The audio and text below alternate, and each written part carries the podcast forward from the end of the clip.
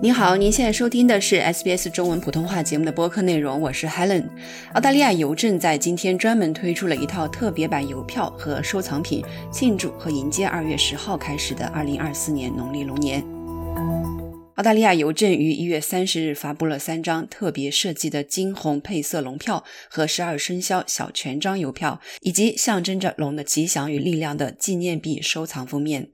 龙是中国十二生肖中排在第五位的动物。人们认为龙年出生的人聪明、强大、自信、有魅力、天赋异禀，并好运随身。他们在做每一件事的时候都会竭尽所能，并以高标准行事。农历新年是亚洲很多国家最重要的传统节日之一，包括澳大利亚在内的许多国家也都会庆祝农历新年。这是与亲人团圆的重要时刻，人们祭祀祖先、互赠礼物、表演传统舞龙舞狮，并欢度元宵节。澳大利亚邮政的零售产品总经理凯拉勒科努表示，无论是在澳大利亚或是海外，这些邮票和纪念币都可以为人们给亲朋好友送上的美好祝愿和礼物锦上添花。勒克努女士说：“农历新年产品一直深受收藏家的喜爱，我们今年独特的金色设计也令人十分期待，它象征着中国文化中如此特殊的一年。”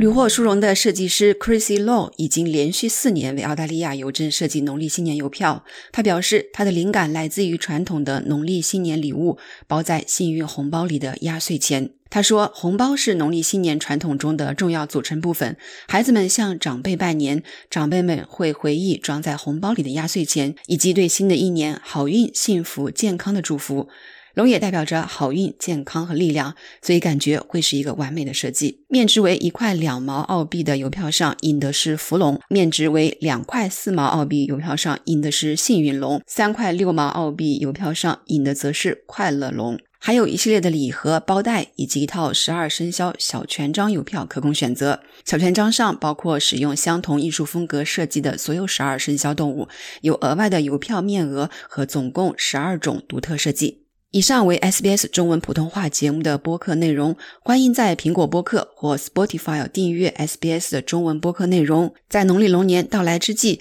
与 SBS 共同庆祝农历新年。我是记者 Helen，感谢您的收听。